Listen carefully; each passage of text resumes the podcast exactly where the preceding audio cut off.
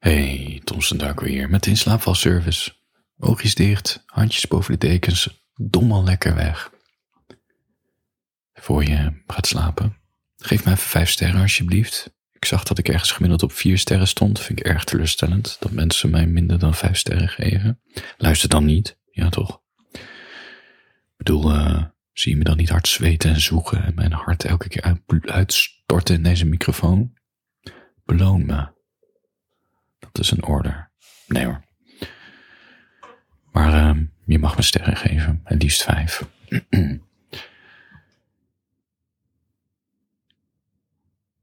ik ben echt als een malle aan het schrijven de afgelopen maanden. Boek. En toen dacht ik, oké, het gaat dit jaar waarschijnlijk niet lukken om dit boek uit te brengen. Want het kost gewoon veel tijd om een boekproductie klaar te krijgen. Maar ja, wat, wat, wat, ik moet iets, iets de wereld inslingeren. Ik moet dit, dit fantastische idee, dat moet beginnen. En ik had eerst bedacht, ik breng een boek uit. Het gaat over vier personages. In het boek uh, volgen we de twee en die andere twee zijn bijpersonen. En dan ga ik daarna doorschrijven met een van die andere, uh, met die side characters, die dan de hoofdrol krijgen. Dus waar het boek stopt, ga ik door. En dan maak ik daar een luisterboek van. Dus een ander medium, zelfde personage, zelfde universum. Uh, dat was mijn idee.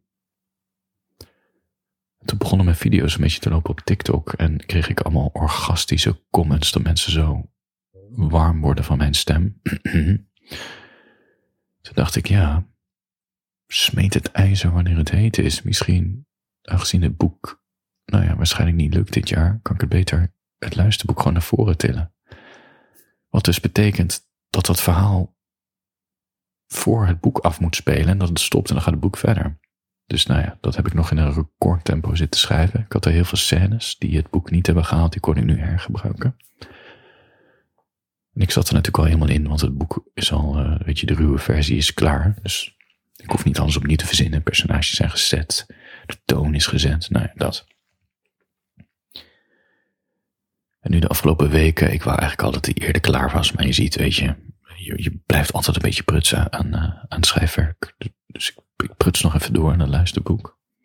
Maar ja, het is nu wel voorbij. Het boek staat, het wordt nagekeken door verschillende mensen. Ik kan nog kleine dingetjes wijzigen, maar nou ja, er zullen geen scènes meer bijkomen. En het luisterboek, dat staat nu ook.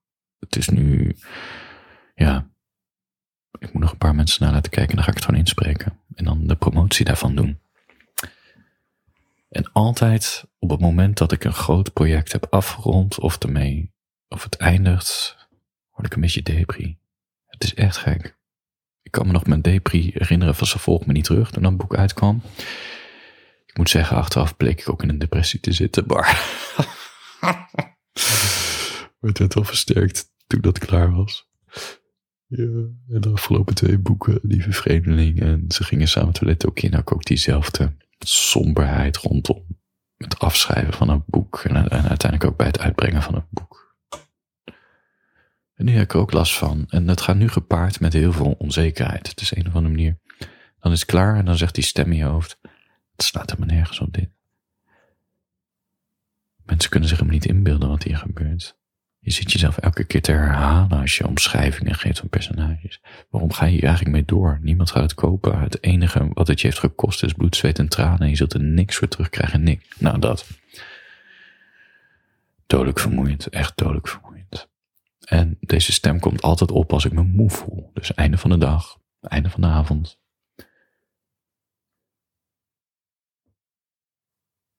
Ja. En ik heb er geen zin in, in deze stem. Dus ik probeer nu, ik hoop dat ik het volhoud. De afgelopen dagen gaan het goed. Op tijd naar bed. Gewoon voordat die stem toeslaat, gewoon in bed liggen. Boekje lezen of, of een, uh, een relaxe serie opzetten. En dan gaan die oogjes langzaam dicht. En dan heb telefoon weg. Boek weg. Tukken. En ik begin nu ook, normaal begin ik de dag best wel vroeg met schrijven. Vijf uur, als ik heel gemotiveerd ben. Als ik iets minder uh, gemotiveerd ben, zes uur en soms zeven uur. Toen dacht ik, ja, ik kan ook beginnen met schrijven. Of ik begin de dag gewoon met sporten. Gewoon sporten. Dan heb je in ieder geval een boost aan, weet ik veel, wat je in je lijf krijgt als je sport. Dus ik sta nu al drie dagen achter elkaar op zeven uur als eerste bij die sportschool. Nou, het is best wel gek. Ik heb zo'n Basic Fit abonnement, zo'n basic uh, ding. Blijkbaar hebben ze dat prijsmodel omgegooid. Ze hebben nu ook een soort premium voor 30 euro per maand. En ik kwam dus die sportschool niet in om 5 voor 7. En toen dacht ik, hè?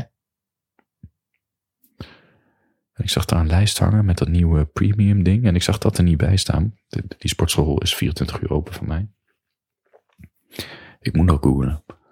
Maar ik zag wel normaal. Ik had altijd basic fit, omdat ik voor mijn kantoor werk. Ik zat elke paar maanden ergens anders. Dus dan zat ik weer in Brabant, dan in Arnhem, dan in Zolder.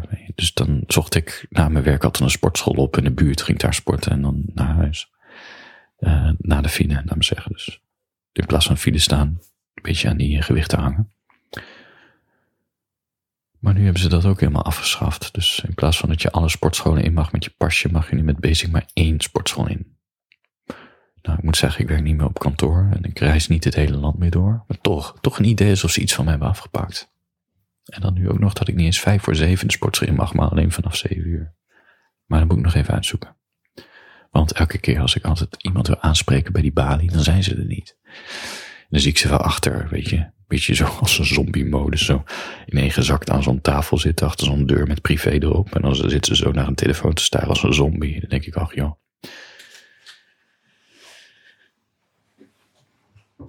Ja, heb ik een beetje medelijden met ze. Terwijl ik natuurlijk dat thuis ook doe. Op de bank. Ingehangen schouders, zo naar mijn telefoon kijken eind van de dag. Die gedachten proberen te negeren dat ik het slechtste werk ooit heb afgeleverd. Ja voor je gaat slapen.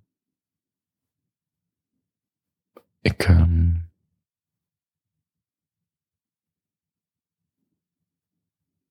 ik zie nu een tekstje voor me, maar ik vraag me af of ik die aan heb voorgelezen. Administratie is weer helemaal niet op in orde. Goed, voor je gaat slapen, ga ik wel improviseren.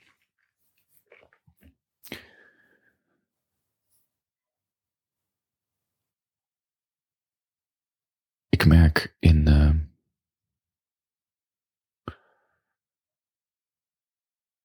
ik merk dat ik beter word met schrijven. Dus elk jaar dat volgt. Dus, dus want ik schrijf nu elke dag, echt elke dag fulltime. Dat mijn werk beter wordt. En dat is fijn. Want er zit groei in. En het zal, nou ja, vast wel een keertje stoppen, maar het, het, wordt beter. En ik heb in best wel relatief korte tijd de eerste versie van mijn boek Sombere Hitsigheid. En het luisterboek gaat ook Sombere Hitsigheid heten. En ik moet nog wat toevoegen aan die titels om onderscheid te maken. En ik stuur het naar mijn uh, goede vriend van me die al mijn boeken heeft nagekeken. En ook in mijn beginjaren op mijn blog heeft hij al mijn blogberichten nagekeken. Nou, nou doen we dat niet meer. Of in ieder geval, ik heb nu andere mensen gevonden die dat voor me doen. En hij appte me en hij zei, ik weet, hij zei, dat hij is begonnen met nakijken van een boek. Hij zei, wow, dit is echt je beste werk ooit. En dan ging hij allemaal punten opnoemen wat hij zo goed vond.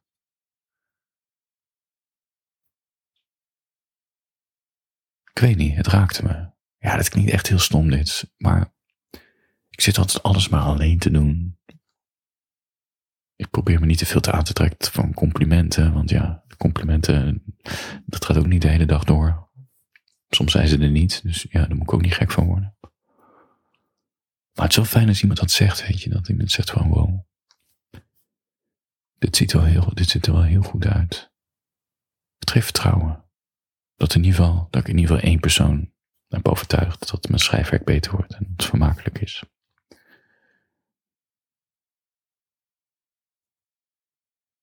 Ja, ja, dat wou ik even delen. Dit hele gevoelige, verkapte manier van reclame maken voor mijn boek. Dat het fantastisch wordt. Nee hoor. Het was geen verkapte manier, manier tot reclame.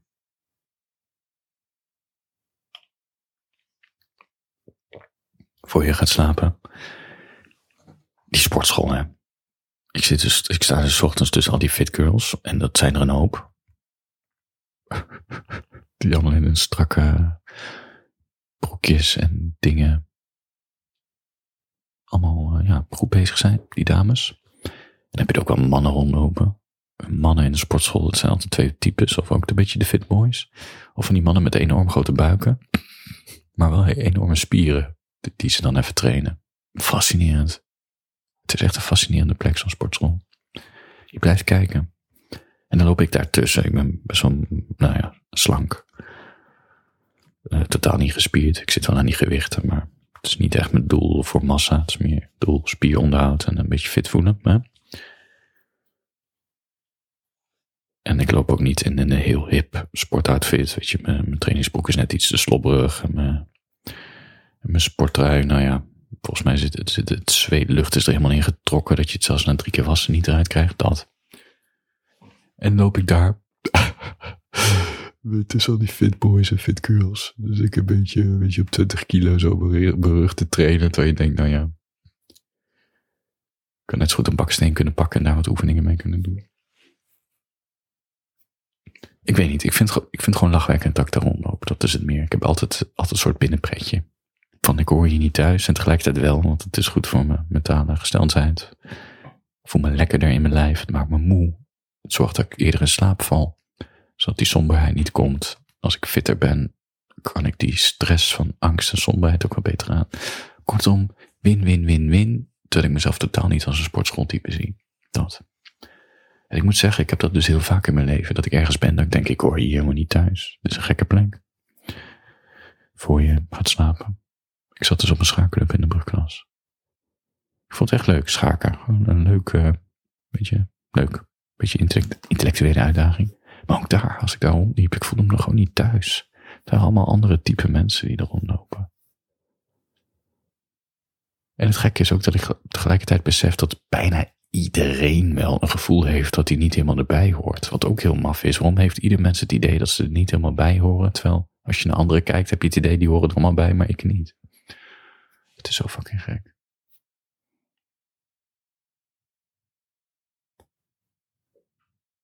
Ik zat de serie Band of Brothers te kijken. Oorlogsserie. Ik weet niet of je die kent. Uh, over de inval in de uh, Tweede Wereldoorlog. Je volgt een groep parachutisten. Hun training. Tweede aflevering. Die idee. Worden ze achter de linies gedropt om... Uh, op een gegeven moment moeten ze een geschut klaar... geschut van die Duitsers uitschakelen. Derde aflevering uh, rukken ze verder op om wat Franse steden in te leveren. Het gaat allemaal goed. Volgens Market Garden, dus hier in Nederland, worden ze ingezet. Weer met de parachute, weer springen en uh, Eindhoven bevrijden. Daarna komt de Battle of the Bulge, Ardennen-offensief. Maar ja, het is, het is best wel bijzonder dat deze compagnie, die werd elke keer in een frontlinie ingezet. En ze hebben ook echt enorm veel geleden. Gewoon heel veel manschappen verloren elke keer. Ik denk, nou, volgens mij meer dan de helft is, uh, is doodgegaan. En dan werden ze weer aangevuld met reserves. Die waren weer minder ervaren, dus die gingen ook eerder de pijp uit. Het is heel gruwelijk om te zien natuurlijk, die oorlog. En ook de, een mooie weer de kameraadschap die ontstond. En je hebt één personage. En die valt er dus een beetje buiten. Hij heet uh, Webster. De serie is ook mede gebaseerd op een boek. En een boek is weer gebaseerd op interviews met de overlevenden, maar ook op de dagboekaantekeningen van Webster. Webster zelf ergens in de jaren 80 of zo, of jaren 70, een beetje mysterieuze wijze. Uh, ging die varen met een boot op zoek naar haaien en hij is nooit meer teruggekeerd. Tragisch. Maar hij heeft heel veel dagboekfragmenten achtergelaten. En Webster heeft zichzelf, dat, ik, ik kan me enorm identificeren met hem. Hij is een beetje maf. Als in, hij is echt, weet je, al die soldaten, Tweede Wereldoorlog. Oorlog met Duitsland. Japan valt Amerika aan, Amerika mobiliseert. Uh, verklaart de oorlog in Japan en Duitsland het mobiliseert. Dus allemaal gewone mannen, geen beroepsmilitairen, militairen, die worden opgeroepen om in het leger te gaan. En dat zijn dus vaak, waren dat ja, van die boeren, kinkels, laten we zeggen. Gewoon simpele, simpele mannen met simpele baantjes, die melden zich aan. En Webster, die zat aan Yale of weet ik van zo'n universiteit. Dus dat is al, nou ja, dan vonden die boerenkinkers al een beetje vreemd dat ze daar zo'n hoger opgeleide gasten hebben. En die Webster is natuurlijk intelligent. Dus die is een beetje anti-autoriteit. En die weigerde, dat was gewoon zijn instelling, hij weigerde orders op te volgen. Gewoon absurd. Hij weigerde zich, laten we zeggen, vrijwillig aan te melden voor dingen. Dus als ze dan vroegen, in de oorlog of tijdens de oefeningen van, nou ja, wie meldt zich aan om, weet ik veel, die boom daar te veroveren, dan stak hij nooit zijn hand op, want dan zei ik, ik volg geen orders op. En dat merken natuurlijk die mannen in zo'n groep van, ja, je doet zo uit de hoogte of zo. Je bent zo van Yale, wat ze natuurlijk al niet snapten, zo'n zo'n hoger opgeleide pikkie. Je meldt je nooit aan, lijkt alsof je overal onderuit probeert te komen.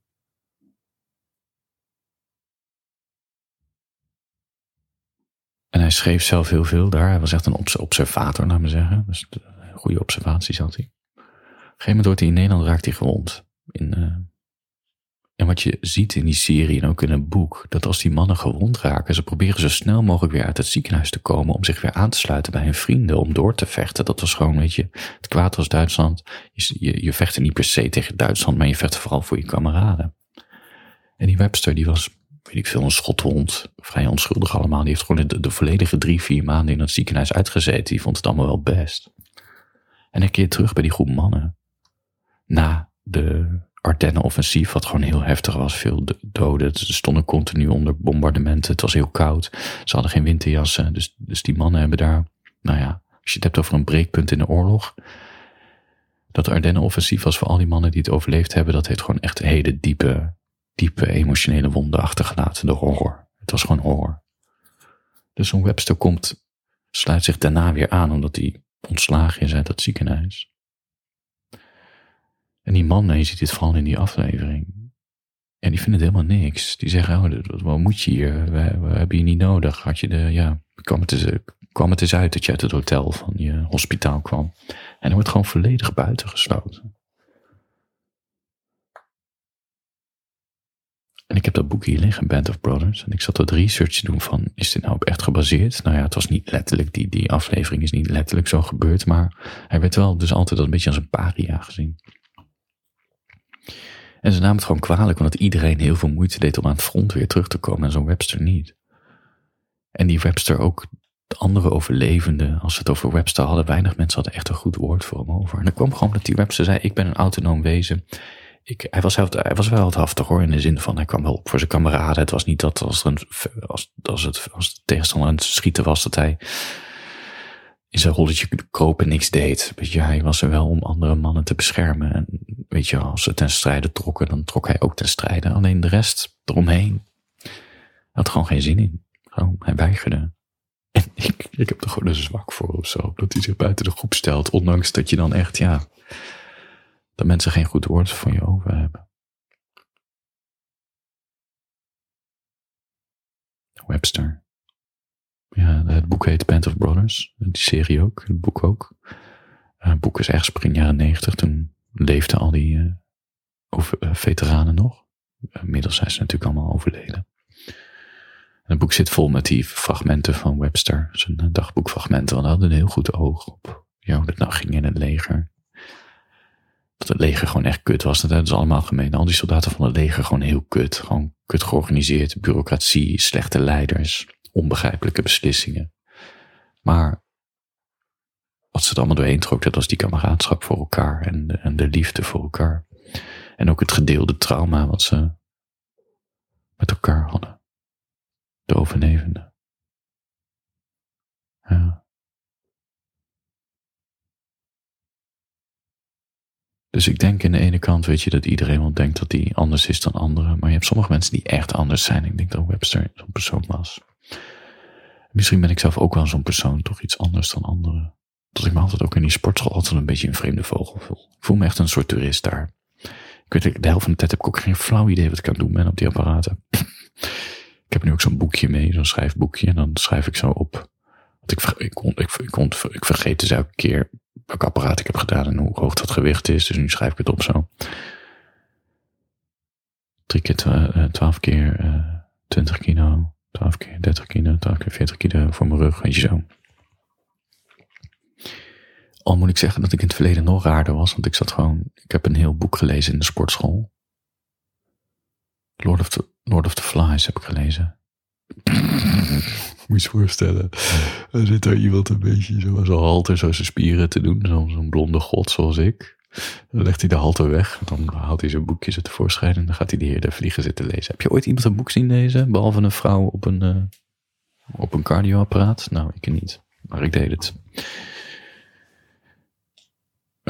Ik vind het heel raar om dit uit te spreken, maar goed. Ik ben een toerist, nu heb ik podcast, dus nu luister ik gewoon naar boeken of, uh, of, of, een podcastgesprek. Of ik niet meer met een boek rond te zeilen. Ik voel me toch ook een beetje raar, zo daar. Wie zit er nou een boek te lezen in de sportschool tussen de, tussen de halteroefeningen door?